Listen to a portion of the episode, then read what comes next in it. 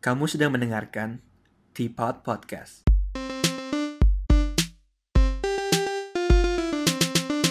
Hai guys, welcome back to Teapot. Di perspektif kita kali ini, kita akan ngomongin tentang Facebook dan kebebasan berpendapat. Jadi, belakangan ini um, Facebook tuh sering dianggap sebagai platform di mana banyak berita-berita hoax beredar. Nah, jadi Facebook tuh juga ke pressure buat mutusin, oh, apakah mereka harus nge-ban post-post yang berbau politik karena sering kali uh, post-post itu hoax juga banyak berita yang nggak benar. Tapi akhirnya Mark Zuckerberg, penemu Facebook, uh, decide mereka milih untuk nggak melakukan itu karena mereka mikir kebebasan berpendapat itu penting. Jadi keputusan Mark Zuckerberg buat melakukan itu, menurut lo gimana? Apakah dia melakukan hal yang benar atau gimana? menurut gue sih lumayan, bener ya udah nggak usah di di band band atau nggak nggak perlu disensor karena apalagi kan ini banyak yang berbau politik ya Mm-mm. kemarin juga kalau nggak salah lihat berita dia itu dia banyak ditanya-tanyain kongres di US buat pokoknya ngilangin sumber hoax-hoax itulah Mm-mm. Nah, tapi kalau misalnya dia yang harus nentuin mana yang disensor dan mana yang tidak, Mm. berarti kan kita sama aja ngasih dia kendali penuh soal semua informasi dong. Mm. Dan juga kalau misalnya misalnya dia ban salah satu pihak nih, Mm. pihak ini ntar bisa komentar gitu, oh dia kok ngilangin ini, berarti dia dukung yang yang sisi satunya. sisi- sisinya satunya lagi dan dan lain sebagainya dan dengan dia nggak menyensor apa pun dari konten Facebook itu kan berarti memberikan semua orang kesempatan ber- berpendapat yang yang sama dan walaupun misalnya di postingannya itu hoax berarti orang-orang yang di di dalam platform Facebook tersebut harus lebih cermat menerima informasinya dan, dan mereka bisa saling cross check sendiri juga jadi misalnya walaupun orang posting hoax pun nggak orang-orang nggak bakal nggak bakal kemakan hoax kalau misalnya semua orang ini saling cross check satu sama lain gitu kan Hmm. Jadi menurut lu kalau Facebook nggak ngeban post-post itu jadi dia nggak bisa ngendaliin post mana yang oke dan post mana yang enggak kan? Dan akhirnya iya berarti emang semua jadi free for all aja gitu. Dan walaupun kelihatannya menyeramkan banyak informasi yang berlalang di Facebook tapi itu sebenarnya se- sejalan dengan asas kebebasan ber- berpendapat. Hmm, semua orang punya kesempatan berpendapat yang sama walaupun pendapat lu salah pendapat lu hoax misalnya nyebar informasi yang salah. Tapi itu kan Iya. pendapat lu gitu. Kalau misalnya itu pun emang emang salah berarti orang-orang yang di dalam komunitas itu harus coba gimana caranya mereka harus saling cross check dan bisa membenarkan informasi itu buat orang-orang yang ada di sekitarnya jadi kita nggak boleh cuma asal karena itu nongol di Facebook langsung percaya terus gitu kan. share gitu ya. Iya, kan? maksudnya itu kan nggak masuk akal juga gitu kalau Hmm. misalnya iya nih masa Facebook ng- ngasih berita bohong, lalu kenapa nyari berita di Facebook ya? Facebook kan sosial media cuma platform buat, buat orang mengungkapkan pendapat lu aja kan. Kadang-kadang bahkan kalau lu menulis status kiranya kan what's on your mind. Jadi apa dalam pikiran gua. Jadi kalau misalnya gua menulis apa pun ya suka- suka-suka gua gitu Walaupun kan. hal itu belum tentu benar gitu ya. itu kan namanya juga opini, mau benar mau salah kan yang penting gue curhat di sosial media. Dan kayaknya gue rasa sih kalau di sosial media gitu kayak unless lu akun berita kredibel ya kayak apa news stand Hmm. atau atau ya cable TV news gitu ya lu lu nggak punya kewajiban buat sharing hal yang benar ya walaupun lebih baik emang sebaiknya lu nge-share hal yang benar supaya Hmm. komunitas lu jadi komunitas yang lebih baik tapi kalau misalnya lu share yang hal yang salah pun apalagi dengan asas kebebasan berpendapat menurut gua emang sebenarnya nggak ada salahnya sih jadi daripada Facebook coba buat kampus-kampusin post malah dianggap dia salah satu pihak dan malah bakal spark kontroversi lain atau bahkan punya ko- konspirasi teori bahwa Facebook lebih pihak yang dan, Satu. dan yang lainnya kan jadi lebih ribet dan akhirnya menurut gua sih ini emang kemudahannya yang lebih safe for the lo- long run juga sih buat Facebook. Hmm, oke, gue setuju sama lu. Nah, tapi em, buat sebagai pengguna Facebook, lu ada saran apa nggak supaya nggak kemakan pendapat orang yang salah gitu, pendapat orang yang hoax atau Iya, sama kemarin kita bahas itu sih soal gimana caranya memilah-milah hoax gitu ya. Hmm.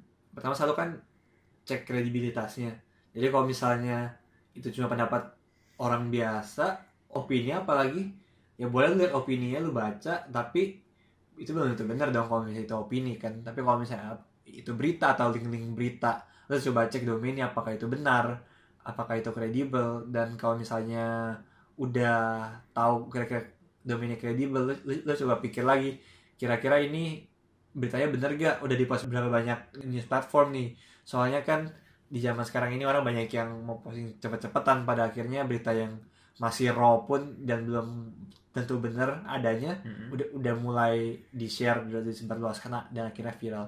Jadi gue rasa sih lebih ke take a step back santai aja. Lo kan nggak harus uh, jadi yang per- orang pertama yang tahu berita ini atau yang nyebar berita ini tapi pas lo tahu lo coba pikirin dulu apakah ini masuk akal apakah ini apa dampaknya kalau misalnya gue maka gue, gue bakal share ini juga gitu Hmm, jadi yang pertama kalau dapat berita apa yang penting cek dulu Iya. dan jangan langsung main share aja gitu ya. Iya iya. Nah kalau misalnya share, kadang ya kita nggak bisa pungkiri juga ada orang-orang yang masih ke Facebook lihat something mereka langsung percaya kan. Hmm. Nah itu kan kalau misalnya kita punya kemampuan untuk memilah informasi tersebut buat menghindari orang-orang tersebut kemakan hoax ini kan ada baiknya. Kita gunain. Walaupun di Facebook pun ya sebenarnya di, dipersilakan untuk post apa aja gitu kan. Hmm. Ya, jadi.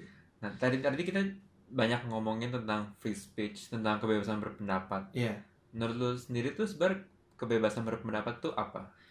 kebebasan pendapat itu ya seperti para namanya secara, secara benernya ya maksudnya kebebasan harfiah pendapat gitu ya. ya, secara harfiah berarti lu boleh berpendapat apa pun ya yang lu mau gitu. J- jadi walaupun kita pendapatnya berbeda lu tuh punya hak yang sama dengan gua buat menyuarakan pe- pendapat lu.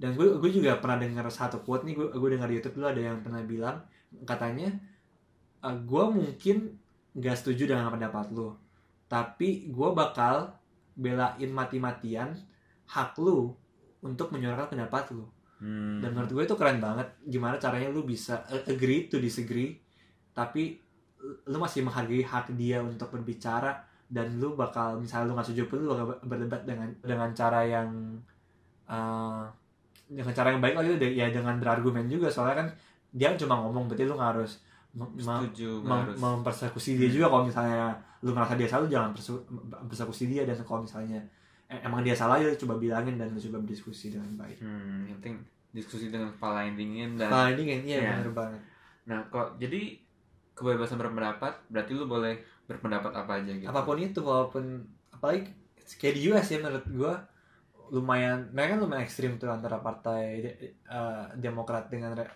Republikannya ya mereka kan kayak view-nya itu sangat berbeda jadi kadang sa- satu ngomong apa dan yang lainnya balas bisa 180 derajat ber- berbeda gitu dan mereka baik-baik aja sampai sekarang mereka bahkan jadi salah satu contoh negara de- demokrasi yang baik itu kan itu karena mereka bisa menghargai uh, pendapat satu sama lain walaupun sekarang ya kadang-kadang orang jadi lebih sensitif ya kalau dengan orang yang berpendapat berbeda gitu Hmm. Ngomong-ngomong soal uh, kebebasan berpendapat, gue juga pengen ngomongin soal defamasi atau pencemaran nama baik.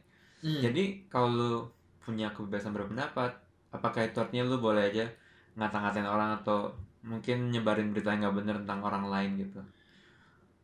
Apakah ini lumayan tricky di sini ya itu kan masuknya udah ke fitnah dan pencemaran nama nama baik ya namanya ya Hmm.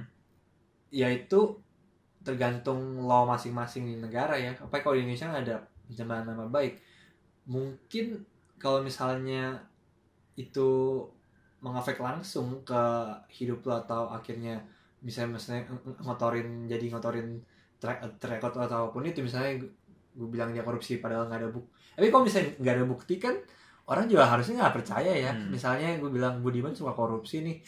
Abis itu gue taruh di berita gitu. Buktinya apa? Dia nggak diapain KPK nggak dia apa-apain gitu. Ya berarti nggak ada bukti dia korupsi ya orang ini bohong gitu dong. Bukannya berarti bukan berarti kalau misalnya gue posting berita soal Budiman korupsi bukan berarti semua orang bakal percaya dong itu korupsi Hmm. juga dong. Dan menurut gue sih emang apalagi di, di Indonesia kita kan ngomong Indonesia sekarang deh ya. Hmm. Eh, orang-orang tuh jadi gue rasa kurang santai ya ngada- ngadepin hal-hal seperti ini. Kalau misalnya mereka dikasih satu opini atau ada orang yang bikin opini soal mereka sekali mereka nggak suka lap- laporin polisi benar-benar laporin polisi. Bahkan kejadian-kejadian terbaru aja tuh eh dulu Jokowi ya di koran Tempo dia dibikin bayangannya itu seperti Pinocchio Hmm. maksudnya Kenapa tuh? itu mereka menagih janji-janjinya maksudnya apakah Ah. Jokowi itu bohong gitu maksudnya gara-gara kemarin RUU KPK dan lain sebagainya dan orang re- redaksi Temponya dilaporin polisi bukan sama Jokowinya tapi sama pendukung Jokowi kan itu aneh maksudnya kan Ah, Maksudnya- padahal dia cuma berpendapat, Iya tapi kan dianggap itu kan dalam satir maksudnya kan pendapat satir apakah dia bohong bukan bukan berarti bilang Hmm. dia bohong eh maksudnya bilang bohong pun kan lu mesti tahu reason di balik itu juga hmm, dan konteksnya gitu Konteks- apa ya? konteksnya apa gitu kan dari janji-janji politik dia misalnya gitu dan dan yang dan yang paling aneh tuh ya, yang lapornya juga bukan Jokowi sendiri bahkan Hmm. Jokowi aja nggak apa-apa tapi orang-orang lainnya ken- kenapa mereka bisa merasa tersinggung mewakili orang tersebut gitu kan aneh juga. Baru ini juga baru beberapa minggu lalu ya Pak Anies juga. Dulu dia sempat dibikin meme-nya muka dia di makeup kayak Joker gitu maksudnya. Ya ini asal-asalan lah gitu kacau gila dan dan lain sebagainya. Dan itu juga dilaporin ke polisi orang yang bikin meme itu. Tapi bukan sama Pak Aniesnya orangnya dukung Pak Anies. Makanya jadi aneh maksudnya kalau orang mau mengkritik apa pun itu gue rasa ya udahlah maksudnya kalau apalagi orangnya juga nggak merasa masalah kenapa kita sebagai pendukung politik yang bisa merasa tersinggung gitu kan hmm. jadi kebebasan berpendapat itu menurut gua walaupun satir atau komedi itu juga mesti di ya dibebasin sih menurut gua Jadi dari cerita lu yang tentang Jokowi sama Pak Anies itu katanya di Indo di Indonesia tuh belum ada kebebasan berpendapat ya. ya kan kita sering mengklaim kita ya banyak kebebasan berpendapat tapi Hmm. menurut gua sih di peraturannya kurang memadai ya dengan banyaknya larangan-larangan kita buat ya misalnya contoh aja ada pasal pencemaran nama baik atau perbuatan tidak menyenangkan gitu Hmm. maksudnya su- perbuatan tidak menyenangkan kan sangat subjektif buat Hmm. semua orang ya jadi siapa bisa tersinggung dan apa pun itu bisa dilaporin jadi ya apa kita punya kebebasan berpendapat ya jawabannya iya dan tidak gitu ya sih Jadi kayak iya kita mengklaim kita punya kebebasan berpendapat tapi ada larangan tertentu yang mungkin lu kalau bebas bebasnya lu bakal terpersekusi juga gitu in, in the end. Dan gue juga menarik sih gue juga sempet nonton Cameo Project ya mereka bahasin tentang kebebasan berpendapat juga. Terus ada kan mereka lagi bahas soal yang penghinaan presiden ya pasal penghinaan presiden. Mm-mm. terus ada yang ada satu yang bilang katanya menurut gua kritik presiden tuh boleh tapi menghina nggak boleh gitu kan Mm-mm. nah yang paling menarik ada satu, satu orang ini yang nggak balas dia katanya orang kalau lagi marah pasti biasanya menghina gitu Hmm. bayangin misalnya lu kan mengkritik itu berarti lu, lu harus ngerti masalahnya lu harus Hmm. ngerti terminologi lu harus ngerti peraturannya kan berarti kan Mm-mm. bayangin lu orang yang kurang berpendidikan gitu lu lu rakyat juga tapi kan Iya. dia juga presiden lu misalnya lu, lu tahu nih kayaknya kayaknya ada yang salah dari presiden tapi lu susah mengutarakan kritik lu da- dalam suatu hal yang lebih akademis gitu. Jadi akhirnya parah dia lu akhirnya jadi jadi ngatain dia. Akhirnya anjing nih gimana nih? gitu kan. Jadi, jadi kasar lah misalnya. Mm-mm. dan tapi itu kan itu menghina itu adalah kapasitas dia buat mengkritik presiden gitu kan. Ah. jadi menurut lu kira-kira gimana? Kayak, apakah menghina itu nggak boleh juga ke, ke presiden gitu misalnya? Atau ke pejabat publik? Atau katanya kalau misalnya nggak nggak boleh berarti nggak ada bebas. ih nggak ada presiden pendapat mendingan berarti orang yang nyoblos orang-orang yang pintar aja gitu orang-orang yang bisa mengkritik aja orang orang-orang yang nggak yang berpendidikan ya nggak boleh yang yang masih pri- pilpres gitu berarti Hmm. Kalau menurut gue sih ya sebisa mungkin jangan menghina di publik apa pun uh, keadaannya situasinya. Hmm. Tapi kalau emang udah kejadian atau emang orang melakukan hal itu menurut gue ya personally menurut gue pribadi nggak apa-apa soalnya itu kan juga berpendapat ya Hmm. dan mungkin ah, buat orang-orang sekitarnya mungkin aja jadi kesel atau jadi marah tapi balik lagi itu tergantung orang lain gimana mereka merespon sama ejekan itu ya kan misalnya lu punya lu ngefans sama kan lu suka badminton terus lu Hmm. ngefans sama siapa misalnya Eh, beda. Markus Markus ya sama Markus nah terus ada yang ngejek-jekin dia aduh Markus nggak payah banget mainnya misalnya Iya. gitu apa kalau bakal kesel atau enggak? Ya gue sih biasa aja mungkin jadi orang punya pendapat gitu kan. Nah jadi kan balik lagi tergantung orang yang orang lain yang respon itu. Jadi intinya menurut gue nggak apa-apa kalau mau ngejelek-jelekin. Yang penting lu ngasih tau secara jelas kalau itu cuma pendapat lu lah paling enggak Iya sih. Jadi mestinya di aturan-aturannya itu juga mesti dibi- dibikin gimana ya lebih ke batasan-batasan di mana ya kalau misalnya sekedar ngata-ngatain aja nggak ada yang ter- tersakiti juga gak sih? Bisa saya Ya, mungkin orang orang yang bersangkutan mungkin ya mungkin. paling kan menurut gua sih ya mungkin kalau dia jadi pejabat publik ya, udah. dulu kan udah mirip publik ya iya jadi jadi ya ekspektasi pasti tinggi banget. Dan kalau nggak meet ekspektasi mereka ya pasti bakal dikata-katain. Kalau dikata-katain menurut gue ya udah normal sih. Eh, asal jangan biasa, mungkin ya. Difitnah terlalu berat atau gimana pun itu Sama. kalau fitnah kan bisa misalnya ganti-ganti nama baik atau udah mulai nyerang keluarga gak, bilang Hmm. ini apalah ya, ya, bahkan yang dia nggak bisa buktikan itu juga menurut gue jadi lebih masalah sih dibanding kata-katain kalau kata-katain sih Iya. nggak ada dampaknya lah menurut gue Ya, jadi kalau iya kalau menurut gua ngata-ngatain doang nggak apa-apa. Tapi kalau mulai fitnah atau pencemaran nama baik tuh nggak Nah, boleh. Iya kalau misalnya itu kan berarti dia, dia udah punya kapasitas dia punya kapasitas buat ngobrol ngabrek nih hidup orang tapi Hmm. dia malah milih buat it, menggunakan kapasitas dia buat yang hal yang nggak gitu baik ya. Nah, dari tadi kan kita ngomongin tentang hal-hal di Indonesia. Kalau di Hongkong sendiri, di Hongkong tempat kita tinggal sekarang, menurut lu ada kita punya kebebasan berpendapat nggak di sini? Ini nih yang lagi lumayan serem sih ya lumayan panas nih kebebasan berpendapat itu kan juga tu- tujuan mereka kan ini kan mereka mau bebas dari China kan karena mereka mau jadi negara demokrasi. Hmm. demokrasi berarti lu mau punya freedom of speech juga kan? Ya makanya emang sedikit ironis sih ya. Apalagi di situasi yang lagi panas ini gitu. Kan kita punya kebebasan berpendapat. Tapi sekarang ketika mereka sedang berjuang ini batasan demokrasi mereka ketika lu punya pendapat yang berbeda lu malah dipersekusi kalau lu lihat banyak di berita-berita atau di Instagram gitu Misalnya kan yang contohnya satu deh ada satu toko sa- satu franchise besar namanya Maxims Hmm. jadi anak yang foundernya ini tuh pernah komentar dia uh, lebih dukung uh, China dibanding protestornya Hmm. gitu. Dan ketika mereka aksi, mereka banyak hancur-hancurin apa uh, restorannya, bakerynya, apa pun itu yang menjadi bisnisnya grup Maxim ini. Itu kan maksudnya itu kan pe- pendapat dia gitu. Hmm. Kalau lu nggak suka kan ya udah tapi ke- ketika lu berjuang buat demokrasi lu lu pasti Indian lu bakal punya oposisi gitu Hmm. jadi jadi gimana caranya lu, lu bisa nyiapin diri buat lu bisa menerima orang lain dengan ya agree to disagree misalnya kayak di US lu Republican gua Republic misal eh gua de- Democratic misalnya. Ya udah tapi kita Indian kita bakal hidup bersama-sama. Dan kalau jadi leader pun lo harus tahu bahwa emang ada dua perbedaan ini dan gimana caranya lu bisa kompromi di antara dua grup ini menurut gua sih. Hmm.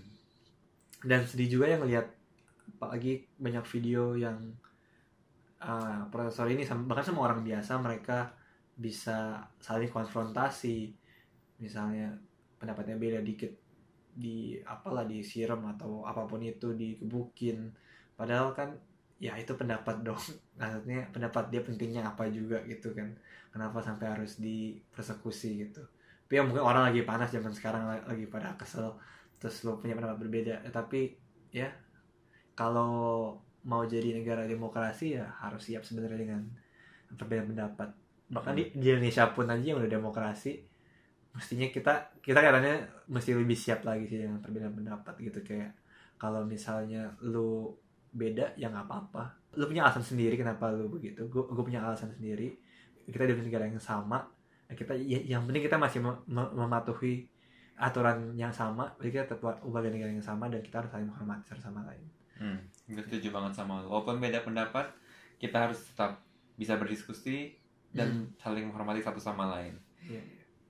Ya, kayaknya sampai situ aja di perspektif kita kali ini. Nah, sebelum kita tutup, Fer, ada yang mau tambahin nggak? Atau ada? Eh, ya. tambahin mungkin gak ada deh mungkin lebih summary Mm-mm. atau merangkum aja jadi ya jadi kita hidup itu pasti bakal ketemu orang-orang dengan pendapat yang berbeda dari kita tapi bagaimana caranya kita bisa agree to disagree dengan mereka gimana cara kita bisa menghargai pandangan mereka itu adalah kunci menurut gue sih buat jadi buat menciptakan lingkungan yang harmonis buat kita hidup bersama dan ya seperti di episode yang kita ngomongin demo sama sama Hans gue rasa malah menarik buat kita buat ngomong sama orang yang pendapatnya beda dengan kita Hmm. Ta- tapi jangan lupa lu kalau mau ngomong sama mereka lu coba approach dengan kepala dingin jangan terlalu emosi dan ya mungkin once in a while siap salah bahkan uh, mungkin mereka bisa ngebuka wa- wawasan lu dan mungkin lu bakal belajar sesuatu yang baru untuk menciptakan perspektif yang lebih baik lagi buat ke depan. Oke, bagus Gitu banget. aja. Oke, bagus banget pembicaraan kita hari ini dan oke sampai sini aja. And see you on the next perspective. Bye. Terima kasih telah mendengarkan Teapot Podcast. Jangan lupa share dan follow podcast ini di Spotify dan Instagram at teapot underscore podcast untuk menerima update terbaru. See you on the next perspective.